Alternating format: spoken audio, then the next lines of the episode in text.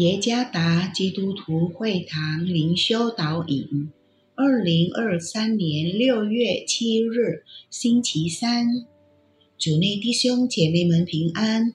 今天的灵修导引，我们要借着圣经《约翰福音》十七章十七节来思想今天的主题：神圣洁的道。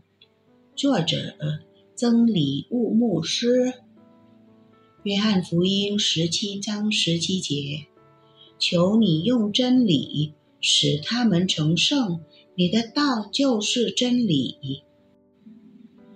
我每天早上喝完咖啡之后，把杯子放在盥洗盆，然后打开水龙头，把干净的水注入还存有剩余咖啡粉末的杯子。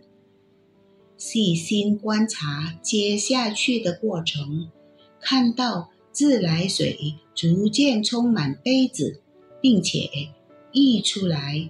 久而久之，剩余的咖啡粉末也从杯中流出，而杯子变得干净了。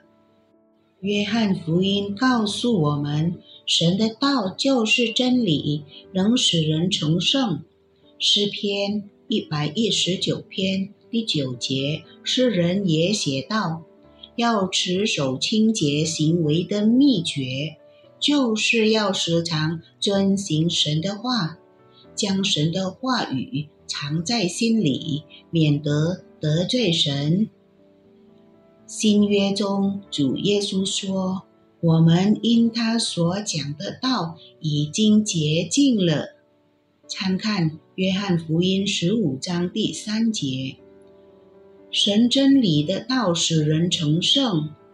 使徒保罗在提摩太后书第三章十六节也写道：圣经都是神所漠视的，于教训、督责、使人归正、教导人学艺，都是有益的。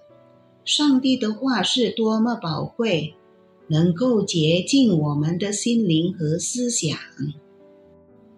我们需要律己，每天有规律的阅读圣经。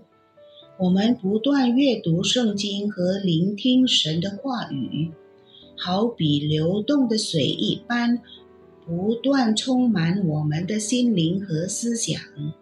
从而洗清和除尽我们生活中的污秽和罪恶。神的话语不仅能使我们的行为保持清洁，还能改变我们的性格，使我们活得更像基督。有规律的读经和聆听上帝话语的生活。可以使我们的心灵、思想和生活保持圣洁。主耶稣赐福。